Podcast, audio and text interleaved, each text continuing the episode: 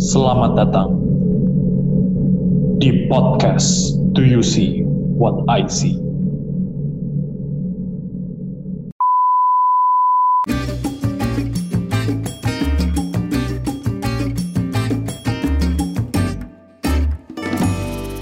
Salah, salah, salah, salah, salah. Salah podcast, salah podcast. Salah, woi. Salah, salah, salah. Kembali lagi Salah. bareng kita podcast B4, podcastnya berempat, podcasternya orang Bandung, Bekasi, Balikpapan, dan juga yang maksa nih, Betawi satu. Masih bersama saya Hari Panca di sini. Hei, Adrian, hei, hei. Ah, gua ubah lu jadi supermarket lu. Hari-hari. Hari-hari. Oke, masih bersama kita ada Adrian di sini. Ada di Surya juga. Ada Faisal di sini. dan ada anggap Facebooker.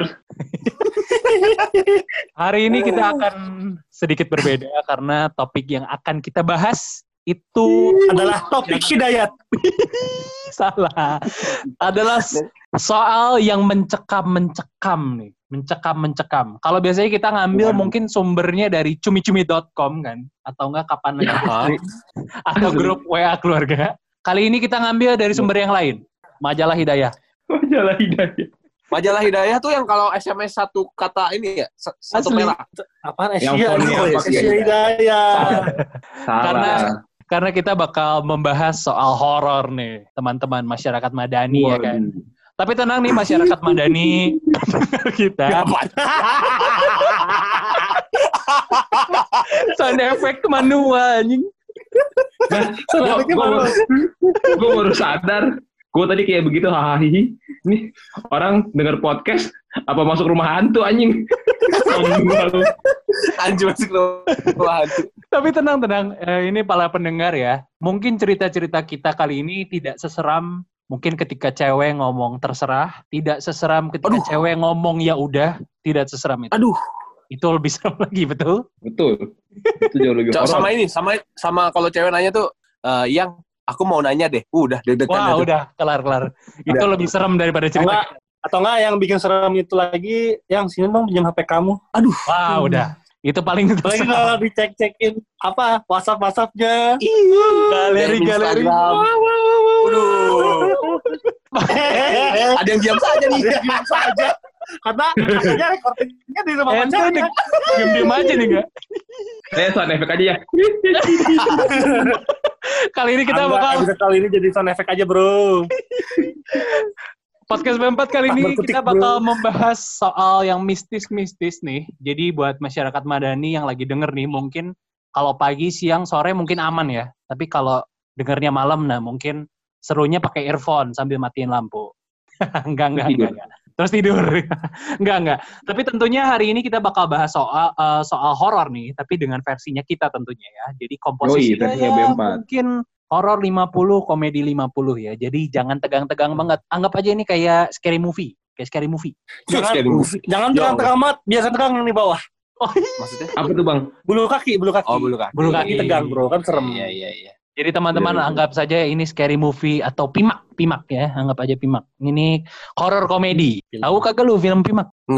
Pi, Ada lagunya bro. Apa tuh? Timak, timak, timak. Men dong, bro. Pimen ya. He-Man itu. Teman-teman ini kebetulan juga dari Isal sama Disur ada cerita pribadi. Jadi nanti kita bakal bahas soal cerita-cerita mistis tapi dengan versi B4. Kita percaya nih kalau kita cerita lewat audio doang kayak lewat podcast kayak gini akan membangkitkan theater of mind. Wah, jadi kalau teman-teman yang denger nih bisa membayangkan kira-kira suasananya seperti apa dari cerita-cerita dari B4 gitu. Nah, sebelum kita lanjut nih, kita mau ingetin lagi kalau kita udah punya media sosial. Nah, sikat Sur. Langsung saja, kalau mau ngecek Instagram dari podcast D4, ada di Instagram nih. Langsung aja searchingnya at podcast Dot. dot B4. Aneh hampir lupa. Eh, eh, eh, nanya dong. Kalian weekend Apa? ini ke mana? Ada ada acara belum? Belum tahu. Kenapa Belum tuh? tahu kenapa tuh. Nah, pas banget nih. Karena Plasmul lagi ngadain event. Nah, goblok. Atlet. Atlet, Atlet, anjing. template lu sal. Jadi gitu, teman-teman semuanya yang dengerin, kalau mau langsung cek Instagram kita, atau mau langsung DM DM, atau mau request, atau mau kasih saran, atau mau mencari jodoh juga boleh, asal jangan minta uang aja ya. Itu langsung ada di Instagramnya kita, at podcast.b4. Doakan kita biarin followersnya naik setiap minggunya ya. Karena kita juga setiap kali episode baru nih kita naikin juga di Instagram. Jadi teman-teman make sure untuk follow di @podcast.b4. Oke, sikat kita langsung ke ceritanya aja. Tapi sebelumnya mungkin ada sound effect-nya dulu kali ya. Sikat.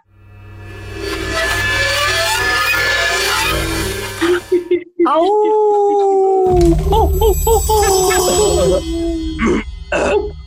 Pada suatu hari. Nah, bukan. Seperti yang kita udah tadi bahas. Apaan sih enggak? Effect apaan sih?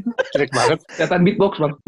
Nonton Big Box. Kita masih belum ada budget untuk sound effect yang berbayar. Jadi mungkin Kita manual. apel aja guys.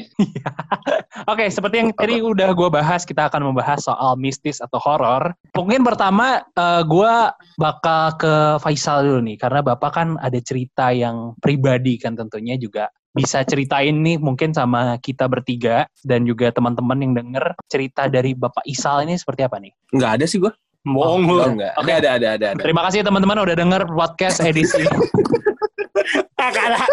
Kagak ada serem-seremnya dah kita anjir. Ada, ada, ada, ada. Ini nah, menurut gua serem banget sih. Enggak biasa, biasa aja sih. Eh, tapi serem sih. Oke, Jadi waktu itu gua pernah lagi sama mantan gua. itu aja udah serem tuh. Iya, si pacaran tuh dia dia ngechat gua, eh yang aku telat. Wah, gua panik kan. Itu bukan gak horor, Pak. Serem sih iye. Kan ini lagi cerita horor. Yang horor apa? Woi, Enggak, sekarang gini Sur, gue tanya, lu kalau di chat gitu sama cewek lu, Eh. lu takut nggak? takut bang. Ya udah, horor itu bro. Enggak, Sal, Sal. Harus tapi ceritanya. tapi lo di chatnya itu yangnya pakai K atau pakai G? Kalau K mungkin gue takut. Pakai ini Y A N K, komanya tiga kali. Iya iya, itu serem-serem. Alay banget. Alay Enggak, banget. enggak, enggak, enggak, ini serius, ini serius. Lanjut lanjut lanjut. Ini ini beneran, ini beneran. Jadi waktu itu gue lupa sih kejadiannya tuh kayaknya pas gue kelas eh, 6 SD apa satu SMP gitu. Pokoknya zaman zaman gue masih rajin nginep di rumah nenek gue eh, bareng sepupu sepupu gue. Rumah nenek gue sih lumayan gede. Terus eh, ada ada pohon rambutan gitu dah. Eh, ya hawanya sih hawa-hawa serem lah. Hawa rumah nenek lah. Hawa-hawa kaum hawa ya. Iya. Iya iya aja dah gue. Terus terus. Nah, jadi eh, biasanya tuh kalau gue sama sepupu-sepupu gue tuh nginepnya nggak di kamar, tapi di eh, ruang tengah gitu. Ruang tengah. Kita eh, kita apa namanya ibaratnya ngemper ya di lantai. Oke. Nah, eh, waktu itu kita habis ngobrol-ngobrol segala macam sampai jam 1 atau jam 2 pagi gitu. Gue lupa, gue lupa eh, pastinya jam berapa. Pas kita mau tidur, hmm, tiba-tiba di depan rumah gua, eh depan rumah gua, depan rumah nenek gua itu ada suara orang ketawa. Mhm. Kencang Oh. banget dong. Oke. Awalnya gua nggak denger kan eh, suaranya ya. Hihihihi. Tahu kayak baju-baju ini nggak? Eh, Beda lah. itu ke screenshot abu-abu ya? gitu ketawanya kan. siapa? Baju-baju nih. Oh iya bener. Enggak, enggak bang, enggak bang. Ketawanya hihihihi. Iya, katanya hihihi. Oke. Ya ketawa. Ketawanya hahaha.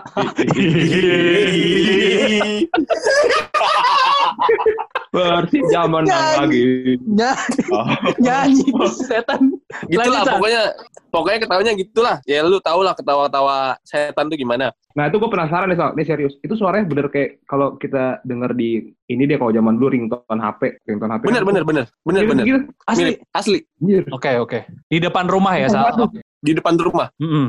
anjir. Eh, enggak, enggak di depan rumah persis, tapi di, di jalanannya gitu. Oke. Pas itu, gua kira gua doang denger. Gua nanya, eh, lu denger nggak? Denger, denger. Ih, udah gitu doang. Terus tidur. Tapi sepupu gua bilang, ya, ya sering sih emang kayak begitu dia. Oh. Jadi dia sih udah biasa aja. Dia yang lebih sering nginep di rumah nenek gua dibanding gua mm-mm. gitu. Kalau lo gambarin rumah nenek lo itu depannya itu jalan atau komplek atau taman atau hutan atau gimana? Eh, komplek komplek rumah gitu. Terus kalau jalan depannya tuh emang eh, lampunya lampu-lampu redup gitu yang lampu-lampu kuning. Mm-mm. Gua kira lampunya lampunya lampu-lampu diskotik malam so. Waduh. Intinya mah yang memang asik, yang memang Emang asik. Setannya diskotik anjing. Lu Nah, denger hihi itu ya? Iya, Oke. jadi rumah nenek gue tuh di depannya tuh ada ada ada garasi, terus di kirinya itu ada halaman kecil. Nah di kanannya itu baru bagian eh, pohon rambutan Mm-mm. gitu. Ada pohon-pohon gitu biasanya serem sih. Ada pohon gitu emang emang emang, emang serem hawanya sih menurut gua. Karena Oke. lumayan luas juga rumahnya dan apa ya cahayanya kalau malam pun juga nggak terang-terang banget, nggak kayak lampu-lampu yang Philips LED sekarang gitu. Hmm. Masih pakai osram. Asam udah terang, anjir. Asam udah Tapi terang. kuning. Lampu-lampu ini kandang ayam. Iya lampu-lampu kandang Iya. ayam gitu dah. Tuh paling males tuh lampu-lampu kuning tuh. Iya, Asli. nenek banget sih. emang. asli udah udah jam-jam segitu, eh ada suara begituan. Hmm. Kayaknya tapi dia lo, mau join sih. tapi, tapi lo nggak sampai lihat suaranya itu sumber Enggak, dari mana enggak. gitu. Abis itu ya udah, abis itu kayak ya udahlah biarin aja. Mm-mm. nggak ada yang berani keluar juga terus ya Oke. udah tapi gue jadi susah tidur aja jadi takut tiba-tiba pas gue melek ada di sebelah gue kan scare bro Oke. Pas lagi ini Mbak, pas lagi Apa? Sal tidur, Mm-mm. takutnya bangun-bangun ada di sebelah dia pas melek, wah anjing setan. Tahu-tahu ditampol sama setannya, kata setannya, apaan sih lu? Nih nenek lu aja. Ternyata di twist, di twist. Udah Sal, ada yang lebih serem gak? Uh, eh, so far itu dulu lah. Gantian lah, masa gue lagi? Iya. Oke, okay. Bapak Disur mungkin kan ada pengalaman juga nih. Kemarin kan kita sudah briefing-briefing nih. Bapak Disur kayaknya banyak. Nah, mungkin dari banyak, Bapak Pak. Disur cerita pribadi yang tentang horor atau tentang yang mencekam-mencekam seperti apa? Hah. Sur, udah dulu ini ceritanya lu aja udah sampai habis. Jangan gue doang dong. Cerita lu banyak. Podcast B1 banyak. nanti. Cuman satu-satu. Kagak gantian Oh, iya, B1. Jadi pada saat itu umur aku memasuki masuk memasuki masuk. Umur aku memasuki umur 17 tahun. Di saat- itu aku dengan ayahku. Eh biasanya kan kalau lagi uji nyali ada dung-dungnya. Asli. Lu dam-dam dum dum lu IP, dam-dam dum dum aja lu. lu diem aja lu nggak. Eh lagi sur Ya, ya. Pada saat itu umur gue memasuki umur 17 tahun. Dung dung. Eh, gue bersama ayah gue pindah rumah ke sebuah Mm-mm. pemukiman baru. sur kencengan dikit sur Di pemukiman baru tersebut, eh kita lagi beres-beres rumah. Pada malam harinya, nggak malam hari sih, kayak mau maghrib gitu, ada tetangga lagi ngetok-ngetok pintu. Masa masa. Eh, masa gitu, masa gitu. Tadi lu nih. tetangga masa gitu. Tetangga ngetok-ngetok pintu, pas gua buka pintunya, eh tetangga itu Bernam- namanya wanita parubaya sebenarnya umurnya kisaran 35 tahun namanya Tante Erni kalau nggak salah Heeh. Mm.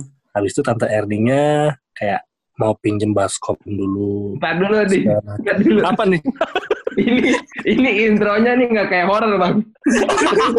Ya, ada yang salah nih. salah ya Ada yang salah. Ada yang salah juga. cerita cerita dewasa ini Kita dewasa komedi tengah malam ini komen di tengah malam Komedi di tengah malam. La, La TV sesudah Smackdown Asli. Iya iya. iya. Jam 12. cerita cerita cerita cerita cerita Ayo, dewasa ini sekarang. kaskus kaskus itu Ciri khasnya tuh kalau udah intro tuh imajinasinya, waduh, anjir, ada tante Namaku Adi Surya. Namanya Tante Erni Erni meminta meminta menemaninya karena dia seorang janda anjay kayak gitu gitu Iya iya iya janda. Kagak, kagak, kagak. Bercanda ya teman-teman semuanya. Canda. Ini baru yang serius horornya nih. Jadi, gua kan orang... rocker juga manusia Itu band, anjing. Kagak cerita gua. Lanjut lanjut Sur. Ika Tur. Jadi, eh gua kan dari Kaltim ya. Gedenya di sono. Dan Hmm. bokap gue. Kenapa ada? Biar serem. lanjut lanjut Eh, bokap gua pada saat itu pekerjaannya adalah pegawai BUMN. Sebut aja Hmm. Pertamina. Oke. Karena oh di- yang di pinggir jalan itu ya Bukan pom bensinnya, anjing. Pertamini Pertamina beneran. Pertamini Bukan pom bensinnya. Kurang ajar lu. yang seliter mahal itu anjing. Pertamina. oh iya iya, Pertamina iya beneran. Bokap lu kerja di BUMN terus Pertamina. oke Ya. Nah, kalau di Kalimantan Timur itu eh, pada umumnya kompleknya itu di Balikpapan itu sebagian besar emang komplek Pertamina perumahannya. berarti jualan bensin semua Kagak. oh enggak Nah, habis itu jadi warung Madura banyak. bu bensin bu liter bu Gede ngapain? Ngapain jual? Ngapain jual sesama ah nggak jadi ah males. Lanjut. Iya, jadi Komplek Pertamina. komplek Pertamina, iya benar. Nanti komplek Pertamina itu rata-rata rumahnya keseluruhan itu adalah rumah-rumah dari zaman Belanda. Oke. Belanda. Emang Belanda. Emang rumah-rumah jadul, Pak, sebenarnya. Dan gua eh, sempat tinggal di beberapa rumah di situ, pindah-pindah lah, kayak tiap tiga atau empat tahun pindah gitu ya kan. Hmm. Iya. Ada satu nih, satu rumah yang menurut gua Nggak sopan lu sur. kenapa? Kok nggak sopan? Tinggal pindah-pindah. Rumah orang. Nomaden ya. Namanya rumah dinas. pilih-pilih Oh, rumah dinas. Jadi lu pindah-pindah. Oh, rumah Bu- bukan rumah bokap lu. Rumahnya si Dinas. Rumah rumah Pertamina. Gimana sih lu? Pertamina. Oh, Pertamina, Bang. Oh, Dinas Oke. kerja, dikasih rumah Pertamina. Hmm. Akhirnya lu nemu satu eh, ini rumah yang serem. Sebenarnya serem serem semua sih, Chip. Cuman Hmm. ini yang paling serem menurut gua karena banyak terjadi hal-hal mistis yang terjadi di rumah tersebut. Jadi buat para pendengar yang mungkin domisilinya di Balikpapan tentu tahu nama daerahnya itu adalah daerah Jalan Minyak. oh. Nama daerahnya itu Jalan Minyak, Cip. Hmm. Itu banyak mobil kegelincir sana licin. Minyaknya berapa sur? 90, 92, 95? Minyak tanah sih kebetulan. Tanah. Di rumah mi- Jalan Minyak tersebut itu, rumah itu emang rumah Belanda gitu loh yang kaku banget lah rumah itu jadul banget Ya sumpah. Allah, rumah kalau lembek masuk kena angin dikit jatuh sur. Makanya kaku ya. Lanjut sur. Maaf sur. Maaf, maaf, maaf. Hari ini Eh, Isa tapi lu- bacot banget. Iya. Kamu lagi engas lu Iya, ya? iya, iya. Lagi engas lu ya? Udah lanjut, lanjut. Nah, di rumah yang berada di Jalan Minyak tersebut, itu rumahnya tua banget dan juga Jalannya bentuknya water tuh- base sih. Gak cerita-cerita ini. Dikirain pomet. gua dalang sampai kesel nih gua. Lanjut, lanjut. Lanjut ya, di rumah gue yang Pertamina itu, itu terkenal akan apa ya eh, lembab rumahnya karena Mm-mm. emang jadi kalau misalkan pendengar belum ada tahu nih teman-teman semuanya, eh, daerah sana tuh daerah yang dipenuhi dengan po- pepohonan, jadi kayak hutan kota gitu loh. Jadi itu suasananya emang sejuk dan juga lembab gitu loh daerahnya. Nah, salah satu kejadian yang menurut gua cukup horor dan cukup memorable itu eh, abang gua waktu itu beli HP baru Oke. karena beli HP baru coba kamera dong kan Hmm. zaman dulu kan belum ada Ini tahun berapa sur? udah lama gue masih SMP SMP. SMP tuh zaman dulu kan ka- belum ada ini ya sobat HP gadgetin Iya. Hmm, bener. belum ada review-review HP di YouTube jadi Hai makanya guys, David di sini hari ini. Iya. Tiba-tiba ada David.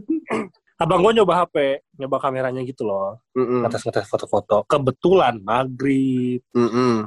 nyoba-nyoba foto di depan rumah di halaman Blackberry depan ya? rumah Blackberry, Sur. Hmm, Sony, Sony Oh, Ericsson.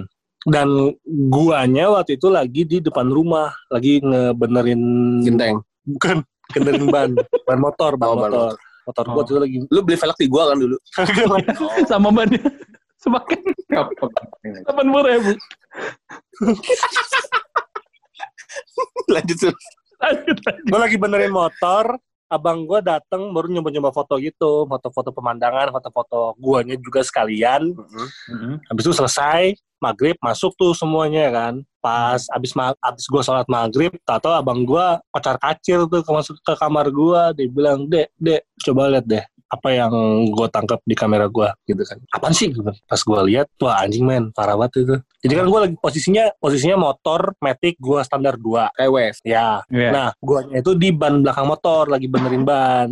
Abang gua moto di belakang gua Ya. posisinya gue jongkok kan dan di foto di handphone abang gue itu yang udah abang gue foto ada sosok eh, anak kecil sedang merangkak tepat di sebelah kanan gua dengan mukanya yang putih matanya hitam dan banyak luka-luka gitu kayak koreng tapi lebih tepatnya bukan luka bukan luka yang fresh gitu tapi lebih luka yang berkoreng gitu Beda sama luka Hmm. bakar.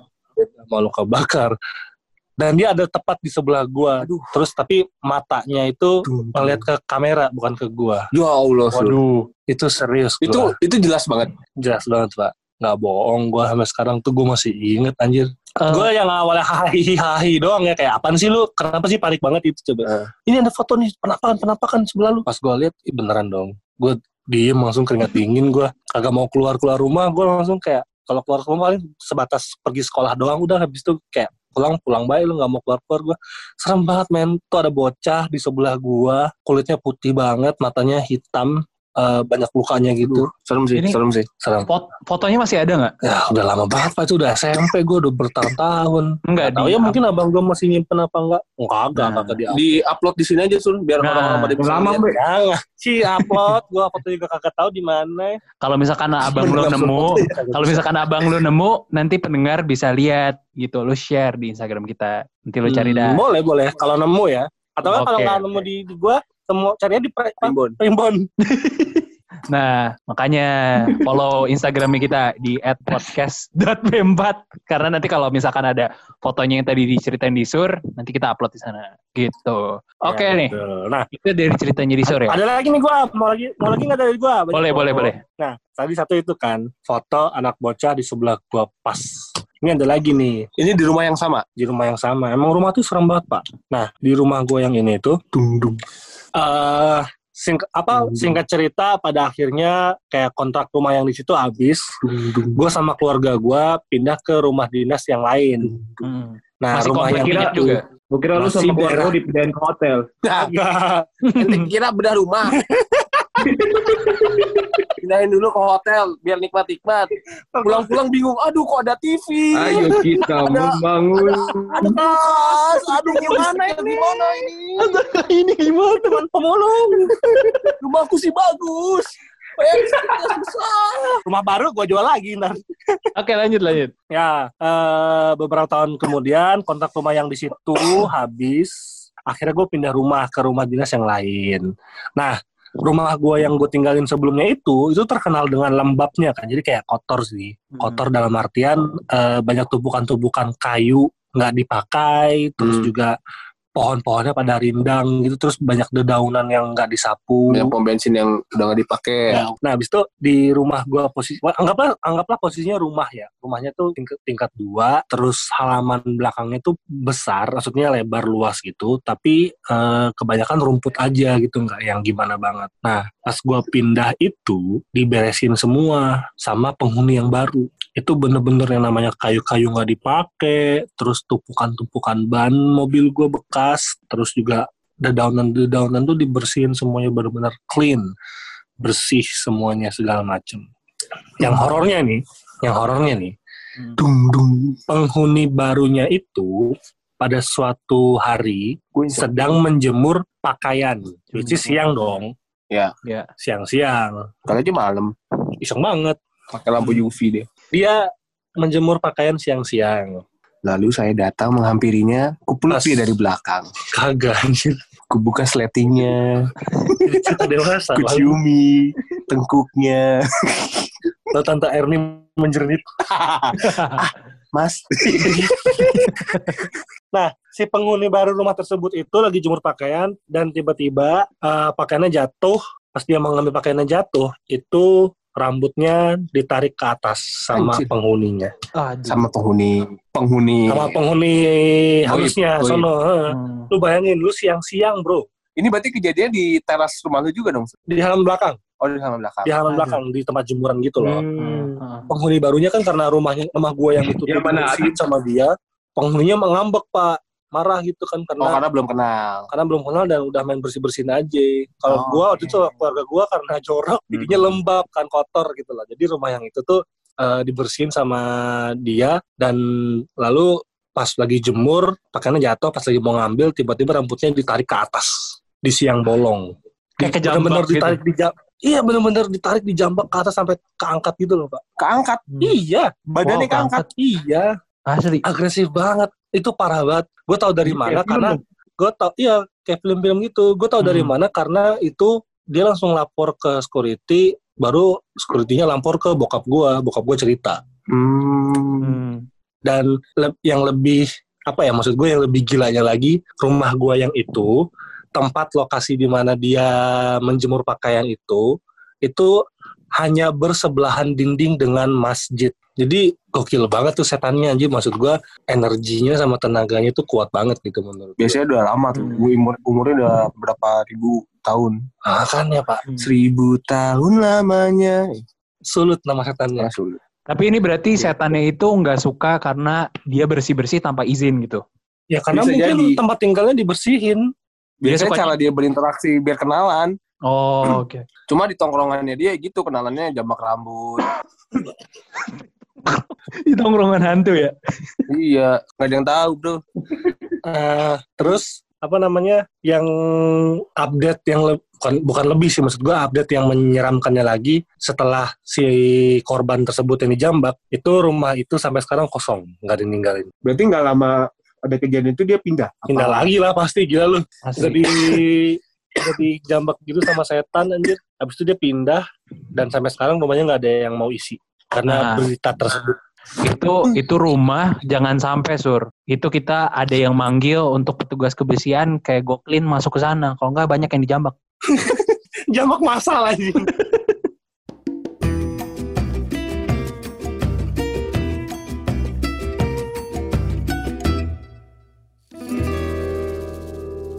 Oke, tadi udah ada cerita dari Isal sama Angga. Eh, Angga sama Disur.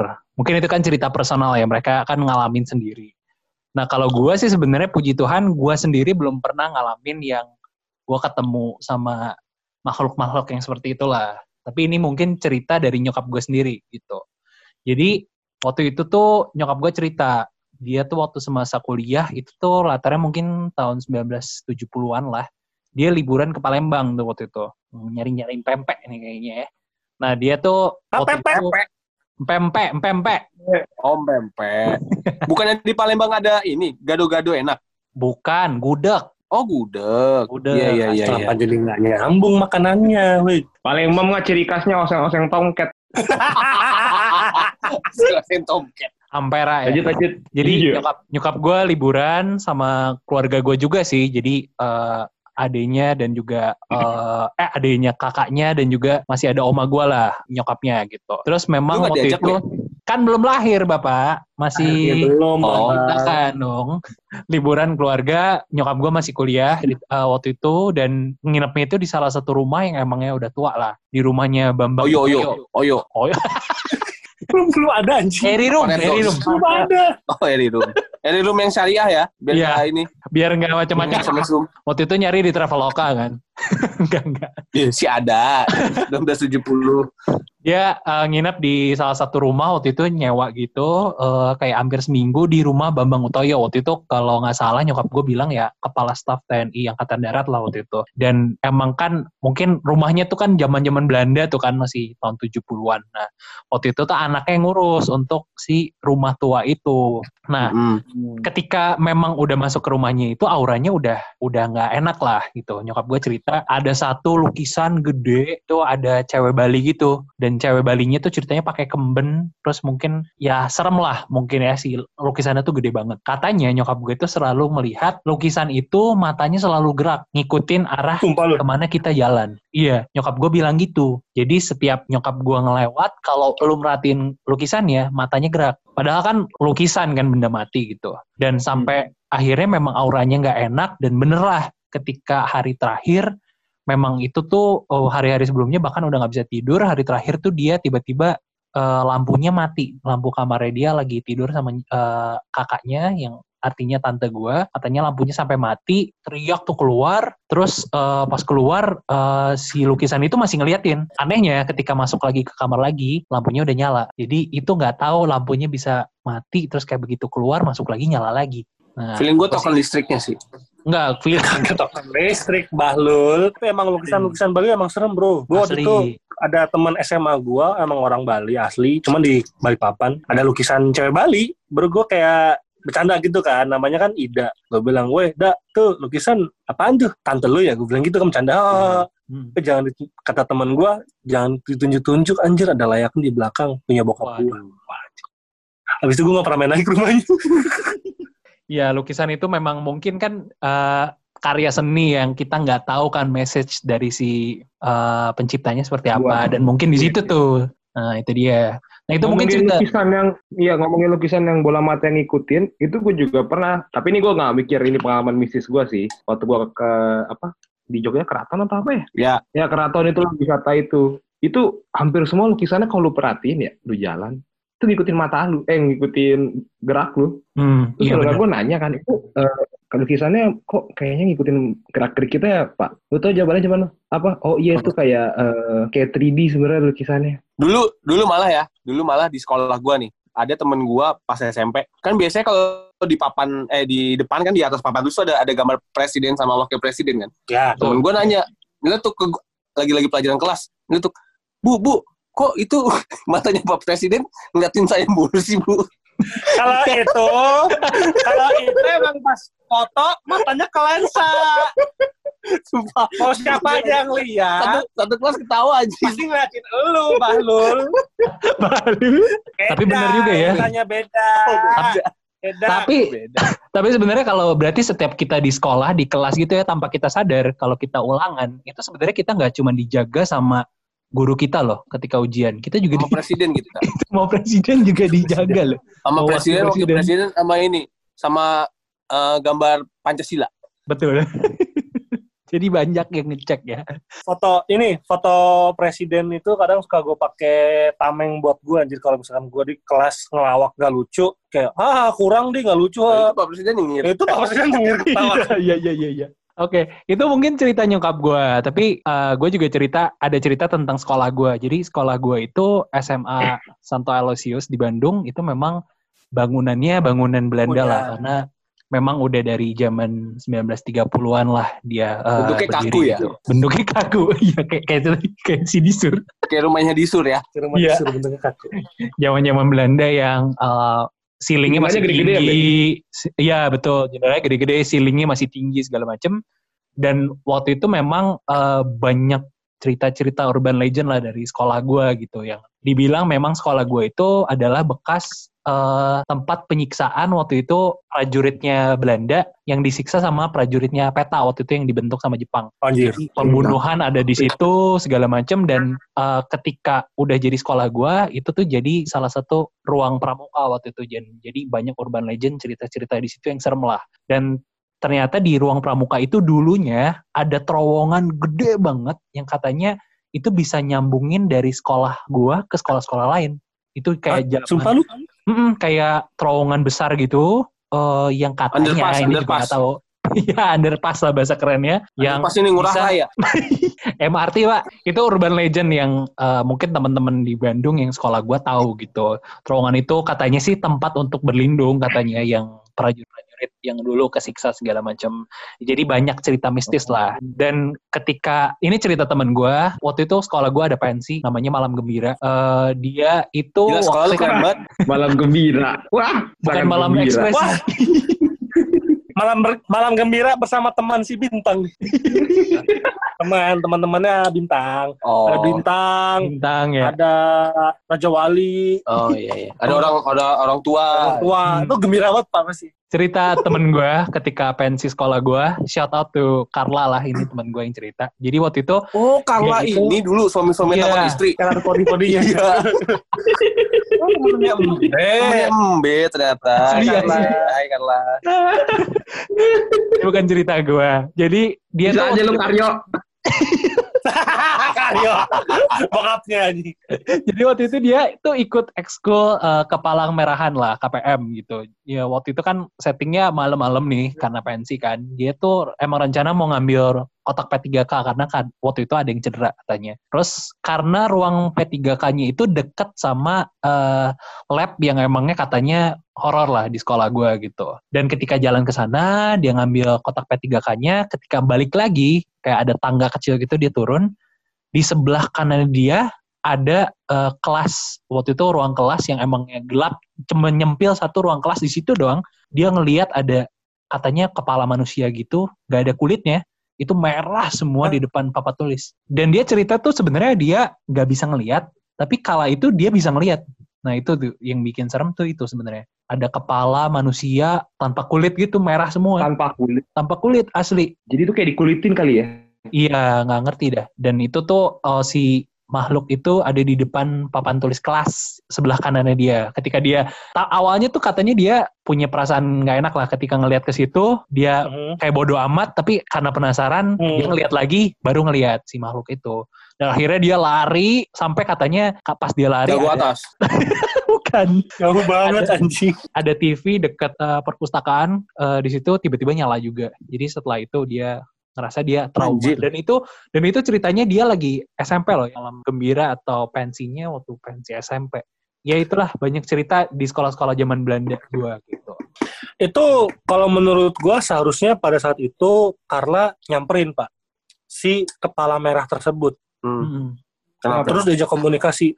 Eh, anda ngapain di sini gitu? Siapa tahu kepala merahnya bilang eh, ada tiket lebih nggak gitu? iya mau juga nonton ya juga, mau nonton juga gua, malam gembira. Setan juga butuh happy happy bro. asli asli mungkin itu sih cerita gua tapi ya banyak lah kalau di Bandung kan mungkin vibe-nya masih Belanda banget ya. Jadi uh, ber- beberapa tuh bangunan-bangunan lama dan rumah-rumah lama tuh masih banyak lah, banyak urban legend Bandung lah. Kayak yang di dekat sekolah gue juga ada yang uh, ambulans berha- berhantu itu. Kalau kalian Oh iya tuh, Jalan Riau gitu ya. uh, Bahu Reksa, Bahu Reksa. Jadi itu ceritanya oh, kan iya, ada sekeluarga keturunan Belanda katanya meninggal, terus pas meninggal dibawa ke rumah sakit, jenazahnya dibawa balik ke suatu rumah di Jalan Bau Reksa itu. Udah dibawa balik, jenazahnya udah diturunin buat dikubur atau gimana, ambulansnya udah balik tuh ke rumah sakit, tapi besoknya ambulansnya Hmm. datang lagi, datang lagi. Jadi si asisten rumah tangganya selalu ngerasa ini mobil kenapa balik lagi, balik lagi gitu. Pas dibalikin ke rumah sakit, eh mobilnya balik lagi, balik lagi tanpa pengendara, katanya gitu. Mitosnya Gokil. mitosnya juga kalau tengah malam sih ambulans itu suka jalan sendiri tanpa pengendara. Nah ini gue curiga sih ini memang ini sih percobaan untuk self driving, teknologi self driving. Wah, Tesla tuh. Elon Musk tuh kayaknya tuh lagi nyoba. Asli. Kagak ambulan Bandung juga, mobilnya keren dikit apa nih, anjing bebe. Eh, nggak ada yang tahu, Sur. Mitosnya gitu. Tapi terakhir itu setelah gue baca di sumber-sumber juga ya, bukan cumi-cumi.com itu di, di tahun 2016 sebenarnya si ambulansnya udah dilelang dan laku. Gila, dia dia berani banget ya Asli ngebayarin ambulans itu ya. Beli barang-barang gituan. Heeh. iseng iseng banget ya. Iya. Iseng tuh beli batagor gitu. Ah, iseng lah, nyemil. Kayak ada beli yang batagor. lain sih. Iseng beli ambulan anjir, yang begitu lagi. Itulah, jadi mungkin masyarakat Madani yang penasaran dengan urban legend Bandung tuh sebenarnya banyak. Ya search aja ambulans bau reksa itu pasti keluar cerita-ceritanya. Kalau dari Bekasi nih, Bapak enggak? Atau mungkin cerita siapa pun lah. Mungkin ada yang bisa lo share nggak? Kalau di Bekasi, menurut gua kagak serem anjing. Begal aja di kalau begalnya dibegel. Kalau di Bekasi, manusianya nyolong job desk setannya, Pak. Nah, lanjutin ya dari Mpe kan tadi eh, sekolahnya kan sekolah zaman Belanda ya, dari zaman Belanda. Nah, gue jadi kepikiran waktu itu gue tuh ke Semarang, eh ya liburan lah ke Semarang, ada saudara di Semarang, iseng-iseng main kayaknya SMA deh SMA, main ke Leker Paimo. ya main ke Bandung Duono. Kuliner lu. Jadi bisa Makan kuliner. keliling Indonesia. Makan cuy. Makan ke ini gua ke Lawang Sewu. Nah, Hmm. wisata Lawang Sewu itu kan jadi landmark buat Semarang kan. Nah, terus sama saudara gua sama adik gua juga. Ayolah kita nyoba ke Lawang Sewu sama orang tua gua juga sih. Udah eh, masuk. Jadi di Lawang Sewu itu nggak tahu ya sekarang ya. Ada beberapa gedung kayak kayak kampus kita pak. Ada gedung A, B, C gitu loh. Nah, beberapa gedung, tau gue tuh gedung C itu nggak boleh masukin untuk anak-anak eh, di bawah usia lah, di bawah 17. Nah, udah tuh gue kayak quick tour gitu ke ruangan-ruangan ke dalam yang gedung yang boleh. Ini sih gue nggak ada eh, ini ya, nggak kayak Isal sama Disur nih. Alhamdulillah puji Tuhan belum belum pernah diganggu. Cuman sensasinya aja sih ke Lawang Sewu itu eh, emang bener-bener kayak awalnya, ya mirip kayak Disur sih awalnya tuh kayak lembab, nggak enak gitu lah. Mistis-mistis ini berasa ya. Heeh, kayak lembab nggak enak lah pokoknya untuk orang tinggal tuh pun nggak enak. Nah gue tuh awalnya ke gedung tinggalin. ke gedung ke gedung A-nya itu nah menariknya jadi eh, di deket di sebelum rooftop itu ada satu level ada satu floor gitu itu bener-bener kosong doang kosong dari ujung ke ujung jadi lu lu ngomong pun menggema dan itu tujuannya itu adalah sirkulasi AC lah istilah zaman dulu nah dari situ ntar mereka bagi ke tiap ruangan Mhm. Ah, itu teknologinya mereka lah. Sering diceritain itu waktu zaman Jepang datang ke Indonesia itu banyak noni-noni Belanda yang eh, diperkosa terus mati di lantai itu, dibawa ke lantai itu. Termasuk di lantai bawahnya itu ada eh, satu pintu yang dari dulu dari zamannya Jepang sampai akhirnya dipakai jadi Indonesia terus jadi markas apalah gitu tentara TNI nggak salah ya? Atau terakhir tuh kantor pos nggak salah. Itu Iya, nggak kuncinya nggak pos. ada. Nah, itu Kuncinya nggak ada. nggak ada. Itu pintu itu kekunci sampai sekarang. Dan orang yang ya yang si tour guide-nya itu sama orang-orang mungkin yang indigo dulu pernah ke situ tuh bilang situ emang ada kayak sesosok katanya sih harimau Waduh. Waduh. kayak ini biskuit gitu pak Harimaunya biskuit anjing. harimau yang memang ditutup dan entah siapa yang nutup itu tujuannya untuk supaya si harimau itu nggak keluar lagi. Kebetulan hanya di lantai itu aja. Terus di lantai bawahnya, kebetulan gue ke toiletnya juga dan bener-bener ngeliat urinal zaman dulu yang apalagi ini gedung Belanda kan itu tingginya urinal tuh hampir sedada lu sampai ke Buset. bawah, Buset. sampai ke bawah. Jadi modelnya nggak kayak urinal zaman sekarang gitu, cuman sampai dari pinggang ke uh, paha gitu ya atau ke Hmm. lutut. Itu bener dari dada sampai sampai kaki lu. Gila, itu apa ya? Ya gue kayak kayak datang ke tempat yang abandon gitu loh. Iya. Nah terus iya, uniknya iya, di, di toilet itu ada beberapa tackle yang retak. Jadi waktu zamannya di, di zamannya Indonesia udah merdeka sampai sekarang pun si tackle itu sempat pernah diganti. Entah kenapa sudutnya jadi diganti berapa ini nggak tahu ada misi nggak tahu apa ya. Udah udah diganti tetap nggak ini pak nggak tetap retak gitu loh. Seminggu retak. Retak. Ah, ah. Jadi ya kata si tour guide sih itu memang katanya eh, ukuran sudutnya ini harus dari pabrik Belanda yang waktu itu bikin ini katanya gitu. Tapi ada juga yang bilang memang ada something mistis di situ yang Ah. ya nggak bisa lu pakai barang biasa gitu loh. Jadi kayak nolak gitulah. Tapi memang pengalaman lu waktu ke Lawang Sewu itu gak, lu memang perasaan lu gimana waktu itu? Nggak setia, cuma hanya di beberapa titik aja sih. Nggak yang lu datang dari pintu masuk tuh langsung kayak jur serem banget gitu. Beberapa titik, beberapa lantai, ya terutama si toilet itu ya lembab, lembab yang padahal kebuka gitu. Tapi kok rasanya Hmm. nggak enak aja loh. Oke, oke. nggak nggak terbaca aja lama-lama dan di situ sering kalau tiap malam yang jaga itu ada suara orang kencing terus Hmm. mandi nah yang terakhir gua ke basementnya. Oh, basement Lawang Sewu yang sekarang udah ditutup. Nggak tahu sih gua alasannya kenapa tapi emang tuh kayak lu masuk ke underworld gitulah kalau gue Hmm. ngerasanya. Jadi waktu itu masih dibuka si wisata basement. Jadi lu kayak terpisah gitu loh. Kalau lu mau ke basement tuh beda lagi. Nah, itu dulu tuh zaman dulu, zaman gue ke situ tuh sering katanya si penjaganya tuh mahasiswa-mahasiswa itu yang mapala atau apalah datang ke situ. Entahlah buat apa pokoknya wisata ke basement itu. Nah, basement itu pun dulu dijadiin tempat untuk eh, naruh tahanan. Itu yang yang, yang sekarang yang waktu itu jadi uji, uji nyali kan ya? Iya, betul. Yang ada Miss. K-nya itu. Iya. Ah, gue ke situ. Ah, itu benar.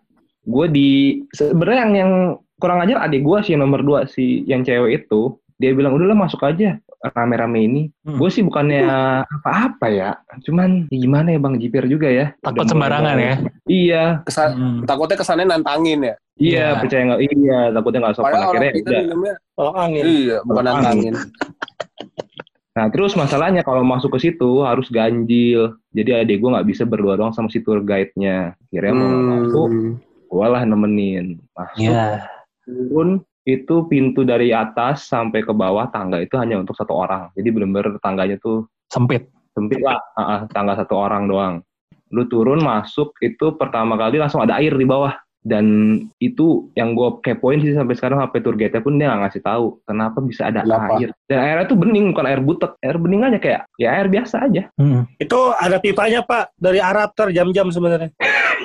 Iya bener bener. Tidak buru-buru jauh jauh umroh. Tapi lu sampai Gitu. sampai masuk ke dalam nggak? Sampai gue abis dari situ, tuh pintu masuk itu si eh, yang tempat uji nyali itu. Itu kan pintunya cuma Oh, segitu iya. kecil kan. Nah itu lu masuk cuma satu orang. Nah pintu kedua itu lobang, buletan. Jadi lu harus merangkak masuknya. Waduh. Itu pun satu orang. Pintu kedua itu, itu banyak kayak sekat-sekat-sekat gitu. Yang pada saat itu satu sekat itu bisa diisi. Padahal cuma bisa buat dua orang maksimal. Dua orang aja udah mepet banget. Itu kalau ditaruh situ dua orang dua hari udah bisa baper itu. Ya Allah.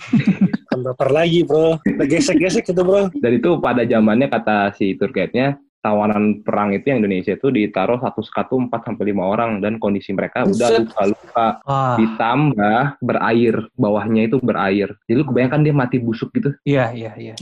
kayak lu masuknya aja ngerangkak gitu nah itu dah jadi itu kayak apa kayak maze gitu antar abis itu lu ketemu ujungnya sih naik tangga itu lagi Hmm. intinya semua pintu semua jalan hanya untuk satu orang dan gue yang paling belakang Aduh. Itu dia Itu mesnya tembusnya ke mana nggak? Di Mekah, Pak. Gua kira mes-mesnya lu ikutin, ikutin, ikutin, pas keluar Beneng Takeshi aja. Final. Yang Final. tembak-tembakan. Tempat tempat final. Yang kalau peserta Lomba. tembak, tembakan air lemes Oh, banget ya. Bang. Iya, pasti bisa. Gitu kalau gua sih. Sekarang udah ditutup, udah nggak bisa lagi ke basement itu. Kayaknya semenjak yang kejadian uji nyali itu ya, makanya ditutup. Mungkin ya udah mungkin makin aneh-aneh. Dan lu kalau eh, nonton si eh, episode uji nyali itu, itu penampakannya nggak cuman yang di basement itu doang. Iya, pas Pas closing kan ada tuh. Ya, pas hari pancar closing, pintunya kebuka, itu ada yang nyebrang di atas. Nah, Ya, itu mungkin buat masyarakat Mandani yang mau kepo-kepo juga bisa langsung YouTube aja. Cuman kelarin dulu podcastnya ya, Iya, benar. jangan skip, oke? Iya, gitu sih gua. Walaupun ya untungnya puji Tuhan, alhamdulillah nggak diganggu lah.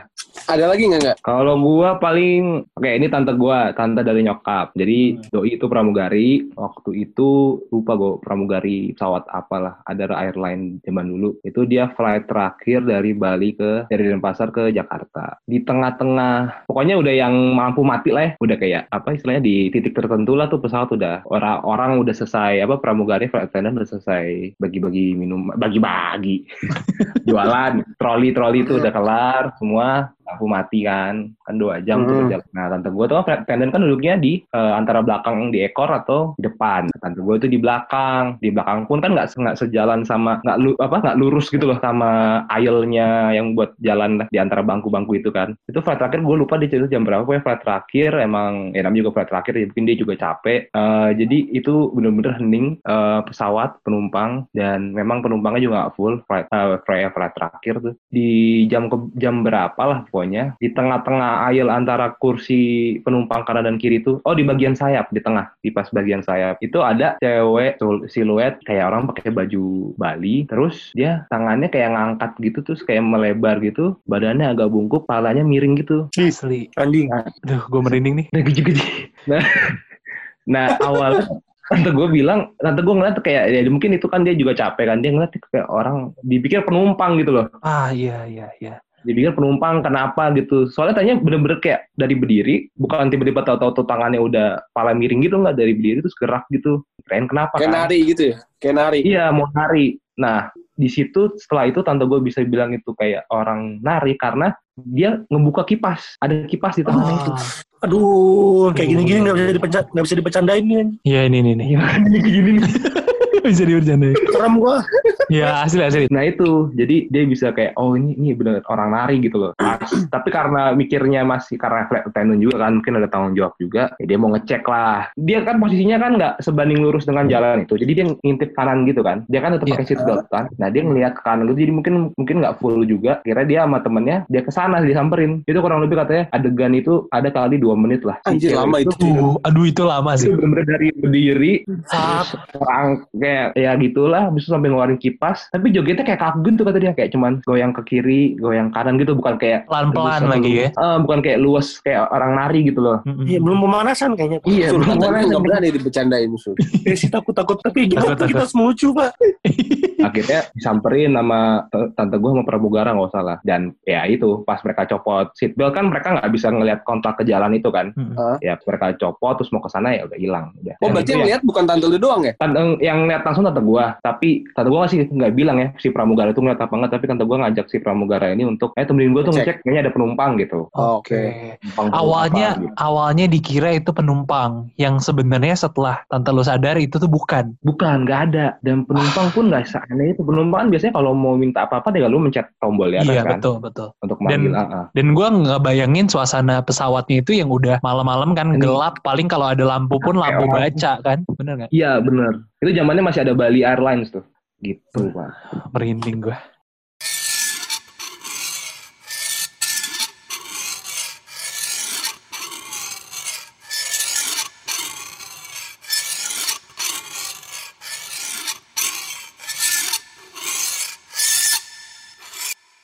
Tadi kan gue udah nyariin tante gue, sekarang dari Ya. om gue, biar pas ya. Nah, om gue kebetulan dia angkatan, angkatan darat. Ya, Angkatan Eh, apa? angkatan darat. mm-mm. Hmm. Bukan ini. Ya. Tapi lorengnya Ya, orang. ya, jalur enggak.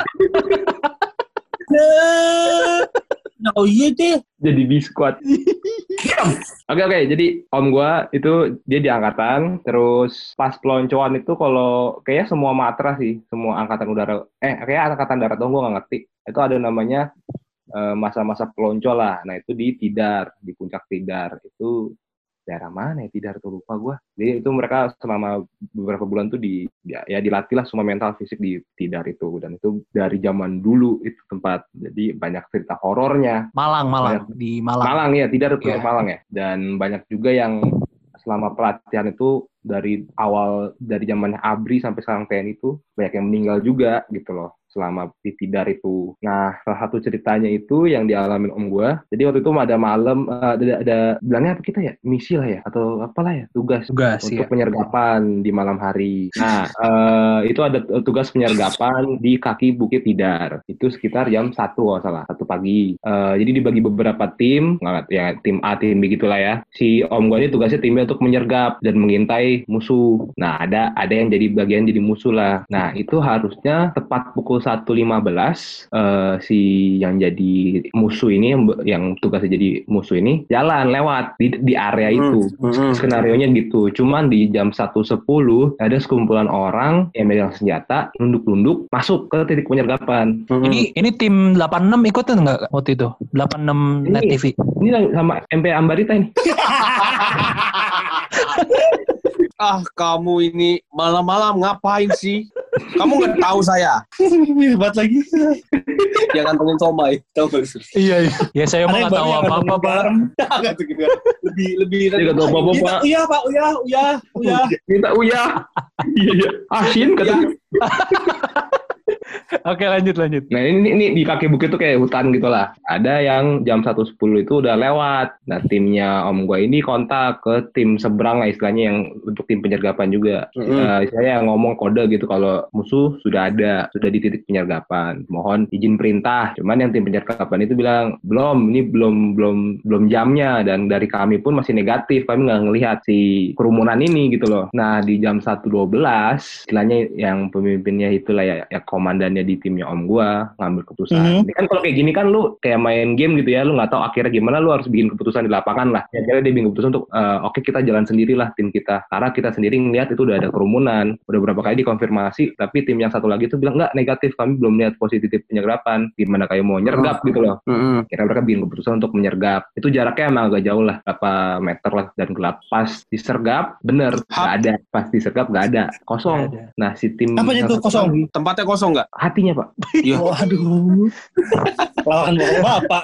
Jadi melo ini. Nah, itu nggak ada, nggak ada kerumunan orang itu nggak ada. Kerumunan orang itu nggak ada. Terus si tim penyergap itu, yang satu lagi ngelihat si om gua, timnya om gua, lu ngelanggar perintah, tidak ada eh, perintah Mm-mm. untuk penyergapan. Nah, itu yang pertama. Setelah dari itu, oke, udah kelar. Terus berkat cerita, kalau mereka ngelihat pas sudah selesai tugas itu, terus terakhir ini setelah mereka evaluasi, biasa kayak kayak ini ya, kayak anak pensi kan evaluasi, Hmm. Hmm. update per divisi kan. Iya. Kayak fancy evaluasi. aja. Kayak panitia ternyata ya ribet juga ya. Ribet-ribet. Iya, iya. Terus terus. Nah, pas udah laporan kelar, persiapan hitung, hitung ini kan, hitung tim, hitung anggota. Jadi pulang jumlah segitu, balik juga harus segitu. Kayak laporan biasa lah. Nah, pas di, kom- di tim om gua, itu komandannya ngitung. Kan itu kan mereka pakai ini kan mukanya di apa? Orang penyergapan itu kan mukanya dicoreng-corengin gitu kan. Iya, iya. Gambar-gambar jorok gitu kan biasanya kan. Gambar titit dong jidat. Jadi kan nggak kelihatan tuh cuman bola mata sama gigi doang lah kalau lu nyengir kan. Iya. Dan itu juga udah subuh. Suara tepit ya. Iya, jadi suara tepit kalau di kita. Terus terus. Maaf, beda, maaf. beda. Susah lah. Ini jokes minoritas, sorry sorry sorry. Yuk, jokes Oh iya. minoritas. Oke. Oke oke. lanjut lanjut. Hitung lah, laporan dihitung pundak dari belakang ke depan. Itu Empat- satu satu tim itu 10 orang. Pak, pak, yang komandannya ngitung, pak, pak, pak, pak, pak. Harusnya 9, nambah dia 10. Ini kok 10. Jadi pundaknya dipukul-pukul tuh 10. Oh anjing. Yang Jadi baru 11 dong. 10. Iya, jadi 11. Nah kan, kok 11? Ntar laporan gimana? Berangkat 10 kok pulang nambah gitu. Dihitung lagi tuh kedua kali. Pundak kiri terus pundak kanan. Sama dia, dia ngeliat orangnya itu, ya mukanya biasa aja, muka orang siap gitu loh. Hmm. Kalau ditepuk kan siap gitu kan. Iya. Tek, Mm. tek. Orang orangnya nyaut siap siap tek tek tek tek, tek. Nyaut nggak? nyaut siap siap kalau kalau ditepuk kan siap siap gitu loh nyaut nyaut kayak orang kayak orang biasa Anjir. Kok sebelas. Itu kedua kalinya. Terus dia ngelihat ke arah anak-anaknya itu. Heran gitu kan. Mukanya nggak nggak bisa di ini kan. Nggak diapal. Nah yang ketiga si yang paling depan itu mungkin mungkin mungkin wakilnya gitulah ya. Nggak ngerti. 10 ah kata yang nomor dua. Sembilan. Izin pak. Sembilan. Sepuluh. Saya hitung sepuluh. Terus yang si yang nomor dua ini bilang izin pak. Dari kaki. Ya udah. Akhirnya yang yang paling depan nih mukul betis. Pek satu Hmm. dua tiga tiga empat lima sembilan Anjing. Wah, baru sepuluh pak percaya Jadi- nggak percaya pak jadi itu siapa kan yang lebih satu jadi kan? itu siapa banyak cerita sih orang yang ada yang meninggal di situ kan itu kan tempat pelatihan Iya. kan banyak yang meninggal juga kan cuma kan nggak pernah di, namanya juga itu nggak akan di blow up media gitu loh Tapi Mm-mm. itu berarti eh, si makhluk itu nepok dong berarti eh, logikanya. Iya ngerasa ada ada ada fisiknya dan nyaut juga gitu loh Wadah, Nyautnya itu loh. izin dari kaki baru Hmm. sembilan aduh. percaya nggak percaya Saya nggak percaya. nah itu dari tante om gua ada lagi dari inner circle gua lah orang terdekat gua lah adalah Kita kenal nggak? Kita kenal. nggak perlu kenal lah nggak nggak rugi juga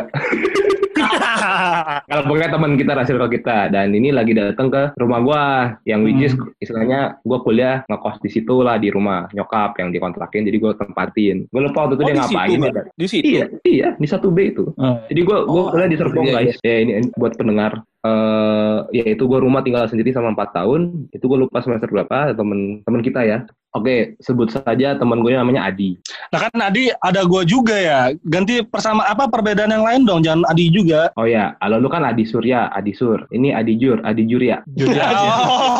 Iya, iya, iya. Oke, Adi, Adi juga. Adi Jur ya Iya iya iya. iya. S-nya ganti J aja ya. Ah, iya, iya. Jur Kan DJ. Nah, Biasanya itu namanya Adi Jurya itu langka Pak, di, di bumi ini. langka dilindungi negara nah untuk para masyarakat Manado ini jadi Adi Jur ini juga teman-teman kita eh teman kita kan ya Teman-teman. Iya sih, Sam- sampai Iya. sekarang sih masih. masih Sampai ini tayang lah. ya pengen. dia main ke rumah gua gua lupa jam berapa lah itu malam pokoknya gua juga nggak tahu ngapain di situ oh mau ini tiket timnas gua nggak salah gua nggak tahu deh lupa Nonton Dia bola ya waktu itu. nonton bola apa gimana? dia korlapnya dia korwil korwil nah datang terus ke ruang TV gua. Masuk masuk aja Ngobrol. ya. Iya kaget gue udah ada dia di situ di dalam. Ada lah. Duduk ngobrol-ngobrol, terus nanya dia apa kabar, baik. gini-gini. Terus mulai tuh dia nanya-nanya, lu mungkin bu- eh, umur jangka waktu lima tahun lu rencana hidup lu apa? Nawa- Nawar-nawarin MLM habis itu kan, wah. Enggak lah, itu gak bercanda. Oke kita ngobrol-ngobrol, terus gak lama ada yang ngetok di pintu depan. Lu Ngetok. denger juga? Denger tiga kali. Diketok beneran. Gokil. Kotak beneran. Gue kaget dong. diketok. Gue kan nengok kan, sok eh, si Dijur nengok, sok apa nggak? Nggak tahu gua malam-malam gini. Terus gue mikir kayak itu kan pintu harusnya ngelawatin pagar ya. Ya Betul. dong orang masuk kan pagar kan, nggak tiba-tiba Mm-mm. di depan lu. Itu nggak mungkin kan? Berarti jadi Hmm. di depan dong. Kalau ngelawatin pagar harusnya bunyi kan? Tek tek tek gitu ya. Heeh. Iya paket gitu. Biasanya kan? Kagak. Rumah rumah lu rumah lu bukan klaster mewah sih enggak? Jadi kan kalau klaster mewah nggak ada pagernya. Iya nggak ada pagarnya. Ya kalau mungkin klaster mewah bisa langsung ketok kali ya. Iya. Nah udah tuh, oh nggak tahu jur, siapa ya? Terus gak lama ngetok lagi tuh, tiga kali juga ganjil tuh. Ganjil tuh. Kenapa harus ganjil ya? Terus udah akhirnya gue samperin, gue buka korden dulu kan, nggak langsung gue buka. Tiba-tiba tuh kayak ada orang semuanya hitam gitu, baju Anjir, hitam. Sumpah lu. Iya tapi kayak apa ya? Kayak bayangan gitu sih jatuhnya. serius lu? Serius di depan pintu itu. Iya anjing. Gue manggil si Dijur ini kan, jujur jujur. Mending lu cek coba. Si Dijur ngeliat juga. Tapi posisinya tuh nggak nggak tepat di pintu masuk rumah gue. Heeh. Yang which is kalau orang ngetok pasti di depan pintu kan, persis. Iya. Ini lu kayak kayak ke depan lagi deket pagar. Hah, jauh dong. Iya, tapi udah di dalam di dalam area rumah. Rumah. Oh, iya, iya. Ini serem banget. Kan biasa gitu kan, kalau yang deket tuh bisa jauh, kalau yang jauh bisa deket. Iya. Iya. Ah, tuh. Bener. Nah, ini masalahnya kalau ketoknya jauh, ketokannya deket. Jadi gimana nih?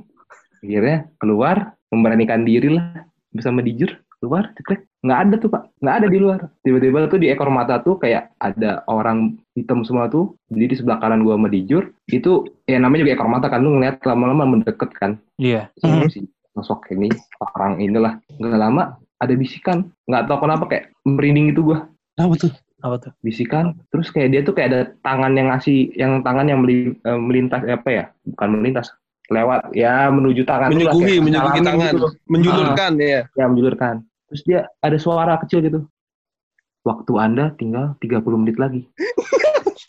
Anjing. Anjing lu itu uang kaget. Uang kaget bangsa ditambah Kaget, Gua udah gua kira tuh beneran anjing, anjing. bangsa. Gua langsung sama di Jun, Jun, Jun, beli kipas, kipas. Kipas, komputer, apa lagi Jun? Antena, antena luar, antena luar. Mesin cuci, mesin cuci. Uang kaget anjing hitam-hitam ya banyak orang. Gua kira tuh apaan anjir. Ngetok-ngetok, gue kira apa? Bercanda si anjing.